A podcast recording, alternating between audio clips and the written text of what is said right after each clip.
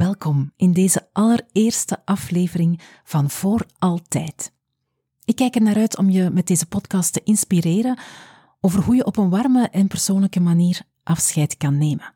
Laten we dat afscheid uit de taboesfeer halen, laten we erover praten. Dat is mijn missie met deze podcast. In deze eerste aflevering stel ik mezelf kort voor en geef ik je ook vijf redenen waarom je een afscheidsviering persoonlijk zou maken.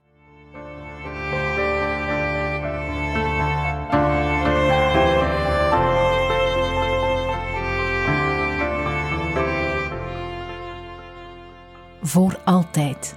Een podcast over warm en persoonlijk afscheid. Ik ben Eva van Woorden van Eva, verhalenverteller bij afscheid. In deze podcast zoek ik mijn weg in een afscheidslandschap in beweging. Ik neem je mee in het spoor van boeiende mensen die jou kunnen helpen met afscheid nemen. En ik geef je tips over hoe een afscheidsviering warm en persoonlijk kan zijn als een dekentje dat je hart verwarmt. Welkom voor altijd. Een warm en persoonlijk afscheid, daar gaat deze podcast over. Maar voor we daar induiken, laat ik mezelf misschien even kort voorstellen. Ik ben Eva Germijs en ik ben een verhalenverteller. Toekoer, maar ook vooral bij afscheid. Ongeveer twee jaar geleden ben ik begonnen met de warme en persoonlijke afscheidsvieringen uit te werken en te begeleiden. Ik heb zo heel veel vieringen ondertussen al mogen doen. En ik moet zeggen, het geeft mij veel voldoening. En dat klinkt misschien een beetje raar, maar het is heel fijn om te zien dat je mensen op een heel moeilijk moment echt verder kan helpen. En dat je iets kan betekenen voor hen.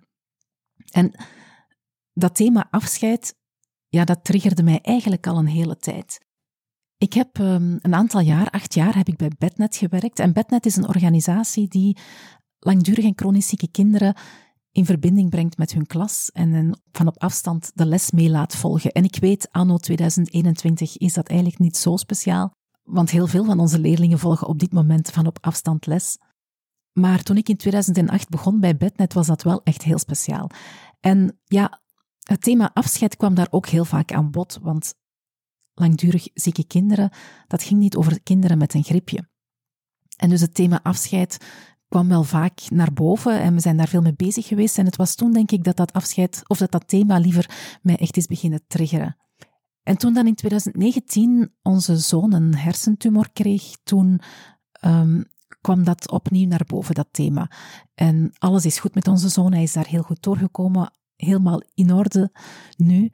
Maar uh, ja, we zijn wel door het oog van de naald gekropen en uh, de, de behandeling was kort, drie maanden, maar wel heel intens. En dan sta je wel stil bij de dingen. En dan heb ik ook een aantal dingen gevoeld, gemerkt, waarvan ik onmiddellijk dacht van, oh, als wij dit al zo voelen, hoe moet dat dan zijn voor mensen die afscheid van iemand hebben moeten nemen?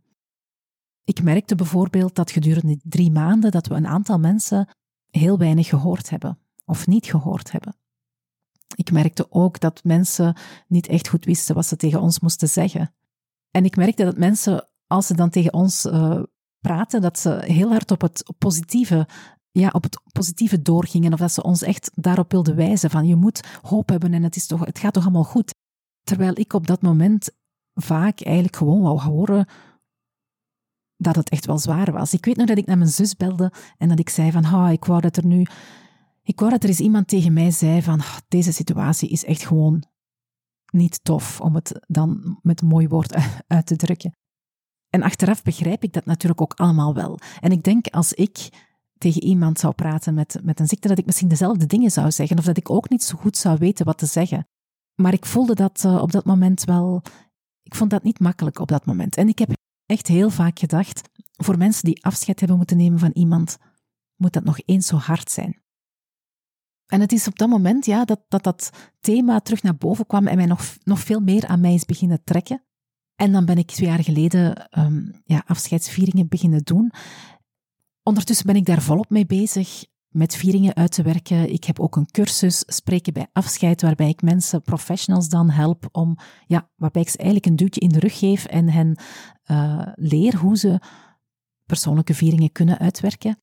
En nu is er ook deze podcast waarin ik jou wil inspireren. En binnenkort komt er ook een soort van bouwdoos aan, een handleiding, een gids, een toolbox, waarbij ik mensen die zelf aan de slag willen gaan voor een viering, waarbij ik hen inspireer en tips geef enzovoort.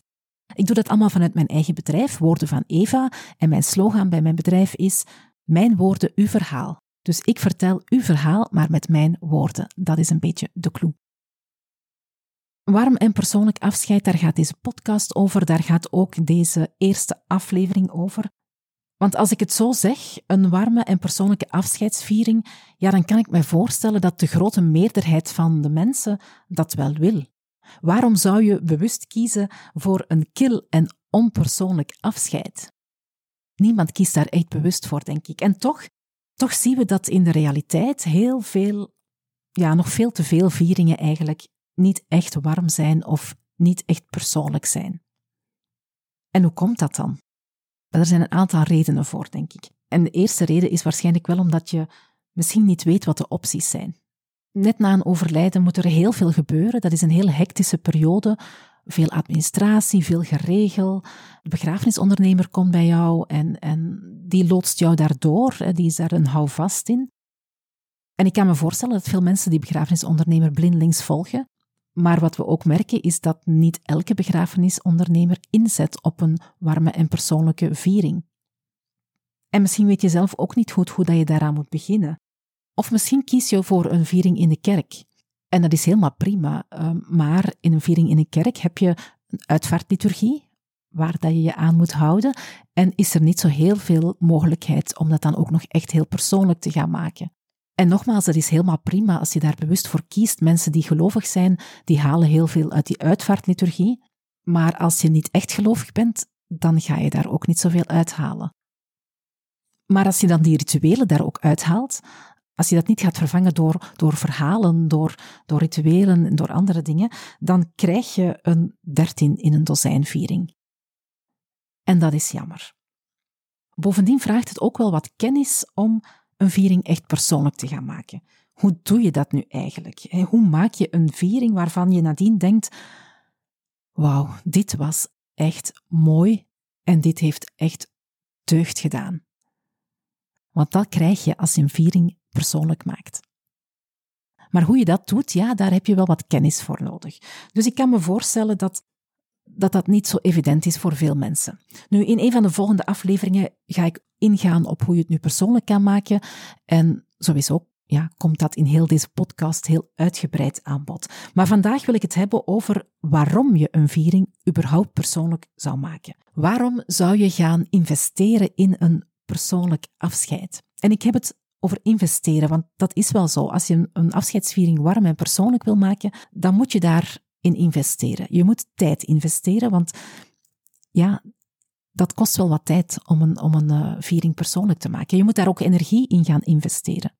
En eventueel ga je daar ook wat geld in investeren. En dat is zo uh, als je een professional gaat uh, inhuren.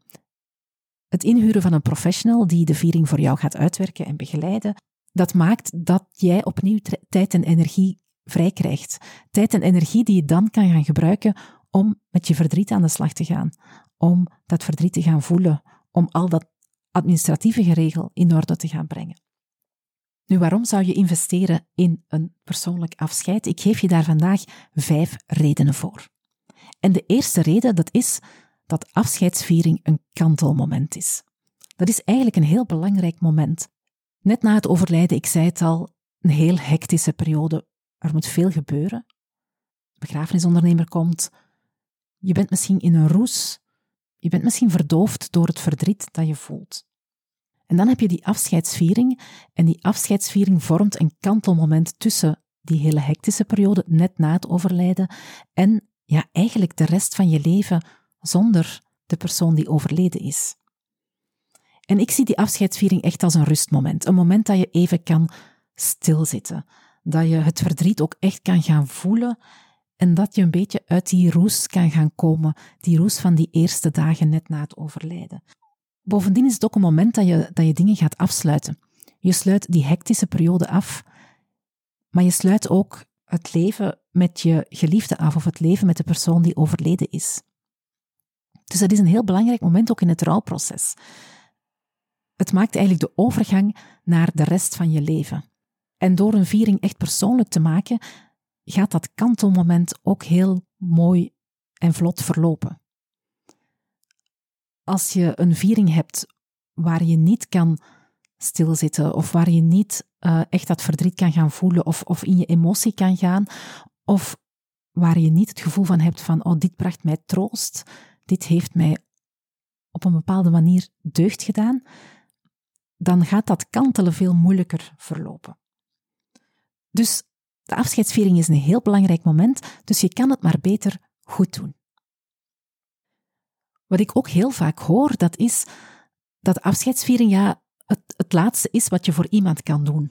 En ik hoor het heel veel van families uh, na de afscheidsviering of voor de afscheidsviering die mij zeggen van die persoon ja, die verdient een zo mooi mogelijk afscheid.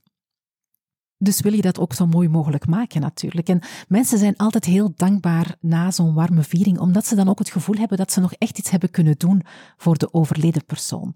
En we brengen in zo'n persoonlijke viering ook een eerbetoon aan de persoon die overleden is. En dat brengt troost. En ik citeer even Dirk de Wachter, die zegt: Schoonheid brengt vertroosting. Door een schone, mooie, warme viering uit te werken, ja, dat gaat ook troost brengen in een moment van groot verdriet. En als we het over die schoonheid hebben, door een viering warm en persoonlijk te maken, ga je ook een mooie en hartverwarmende herinnering creëren. En dat is meteen de, uh, reden nummer drie. Hè. Je creëert een mooie en hartverwarmende herinnering.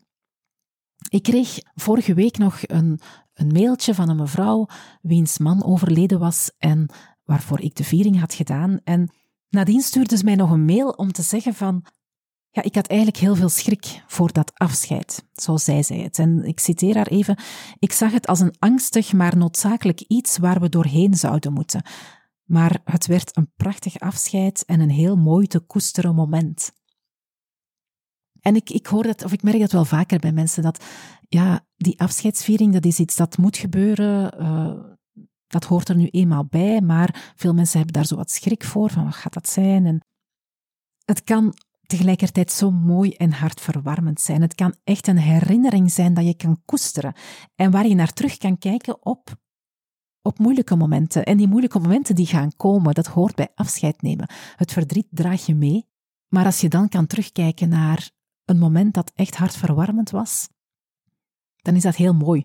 Dus gun de persoon die overleden is een warm eerbetoon, maar gun jezelf en je familie en je vrienden ook zo'n mooi moment, want het brengt echt troost. En opnieuw Dirk de Wachter, die zegt, eigenlijk moet je eerst verdriet gaan zwachtelen met woorden, totdat je het kan meenemen en dat het niet meer steekt. En uiteraard draag je het verdriet altijd mee, maar het steekt niet meer voortdurend.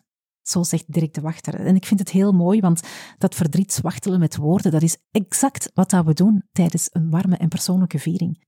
Het verdriet is er nog altijd, maar en opnieuw, een van de families zei me dit na, uh, na een viering. Het verdriet is er nog, maar er ligt nu een zachte sluier over. Dat vind ik eigenlijk heel mooi gezegd. En dat is exact wat ik altijd wil beogen met een persoonlijke viering. Zorgen dat het verdriet makkelijker te dragen is doordat je er een zachte sluier over legt. Door zo een warm moment samen te kunnen hebben met, met familie en vrienden en iedereen die die persoon heeft liefgehad, ga je ook verbondenheid creëren. Reden nummer vier voor een warm en persoonlijk afscheid. Je creëert er verbondenheid mee. Samen het verdriet dragen. Voelen dat je niet alleen bent. Je wordt gedragen door en, en gesteund door anderen. En die nood aan verbinding die is essentieel. En dat merken we nu allemaal met corona ook. We hebben nood aan verbinding met andere mensen. Dat merken we nu heel hard. We hebben anderen nodig. En zeker in lastige tijden, bij afscheid, dan is die verbinding bijna levensnoodzakelijk. Bij een persoonlijke viering gaan we inzetten op die verbinding. Door verhalen te vertellen. Verhalen waarin iedereen de persoon die overleden is herkent. Door ons ook niet te gaan verbergen achter cliché-uitspraken of achter standaard teksten, maar echt persoonlijke verhalen te gaan brengen. En op die manier, ja, samen te lachen, want ook dat gebeurt tijdens een, een viering, en samen te huilen. En je zo verbonden te voelen met elkaar. En die verbinding die brengt warmte en die brengt geborgenheid. En die geborgenheid, dat kan je echt gebruiken in momenten van groot verdriet. En als we het dan hebben over lachen en over huilen, dan komen we bij de emoties. En dat is mijn laatste reden om een viering warm en persoonlijk te gaan maken. Het geeft ook ruimte aan emoties. Want in zo'n viering ga je het verdriet echt gaan voelen. Je gaat allerlei emoties hebben. En je gaat de kans krijgen om, om die emoties naar buiten te laten komen. En want in een, een viering waar dan je je gesteund voelt, waarbij je geborgenheid voelt, dan voel je ook de veiligheid om die emoties te kunnen uiten. En het, het persoonlijke maakt dat je kan stilstaan bij emoties. En het warme maakt dat je je veilig voelt om ze te uiten. En die emoties, die zijn er sowieso bij verdriet. En die moeten er op een bepaald moment toch uit. Dus voilà, dat zijn mijn vijf redenen waarom je zou kiezen voor een warm en persoonlijk afscheid. Ik overloop ze nog even. De afscheidsviering is een belangrijk kantelmoment tussen de situatie net na het overlijden en eigenlijk de rest van je, van je leven. Het is ook het laatste wat je voor iemand kan doen. En je kan eerbetoon brengen aan de overleden persoon. En daarmee creëer je ook mooie en hartverwarmende herinneringen. Herinneringen waar dat je op een later moment echt in, uh, naar kan teruggrijpen als je het lastig hebt. Een mooie en hartverwarmende herinnering voor jezelf, maar ook voor alle anderen die daar aanwezig zijn. En je, je creëert daarmee ook echt verbondenheid. Hè? Want je gaat samen dat verdriet dragen en je voelt geborgenheid en warmte. En dat geeft dan weer ruimte aan emoties. Emoties die er sowieso zijn en die er op een bepaald moment toch uit moeten. Dus dat zijn mijn vijf redenen om te kiezen voor een warm en persoonlijk afscheid. Denk jij nu van, ja, ik ben wel overtuigd, maar wat nu? Hoe moet ik dat nu aanpakken? Wel, ik zou zeggen, luister dan zeker verder naar deze podcast. In de tweede aflevering spreek ik met Celine Snauwaard en zij is koesterfotografe. Zij fotografeert bij afscheid en zij zorgt op die manier ook voor mooie herinneringen. Ben je benieuwd naar hoe zij dat aanpakt en waarom je in godsnaam foto's zou trekken op zo'n moeilijk moment? Wel, luister dan zeker naar de tweede aflevering.